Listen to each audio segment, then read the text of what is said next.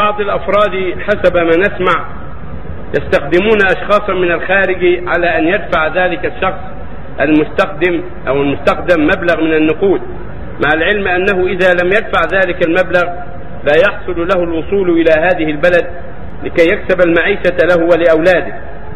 فهل على الذي يستخدمه ويأخذ منه مبلغ ويدخل وهل يدخل فيه حديث من باع حرا وأكل ثمنه؟ نرجو الإفادة.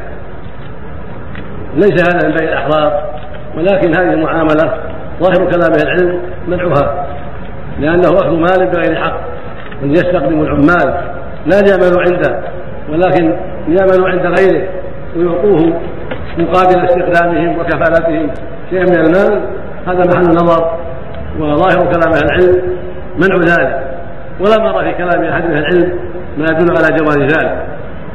وقد بحثنا هذا هيئه كبار العلماء ودرس ذلك دراسة وافية فلم يتضح في كلام أهل العلم ما يدل على جواز هذا العمل. لكن إذا استخدمه ليعمل عنده بأجر معلوم البناء في الزراعة كذا بأجر معلوم لا بأس. لكن لا ينبغي أن يستخدم الكافر فإن هذه الجزيرة لا يبقى فيها دينان. الرسول صلى الله عليه وسلم أمر بإخراج المشركين من هذه الجزيرة. وإخراج اليهود والنصارى منها ولا يبقى فيها إلا دين واحد وهو الإسلام. فإذا استخدم فليستخدم مسلما. من تونسيا باكستان وغير ذلك. يعمل ويتحرى. ان يكون مسلما طيبا بعيدا عن الشرور. لبعض المسلمين المختصين الإسلام بعضهم فيه شر كثير.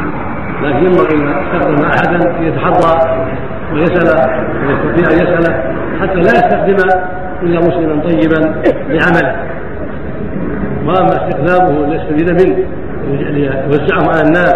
هذا يسبب استخدام المفسدين والفاسدين والاشرار والكفار من أجل الطمع فلا ينبغي ذلك ولا نعلم في كلام أهل العلم ما يسبب ذلك.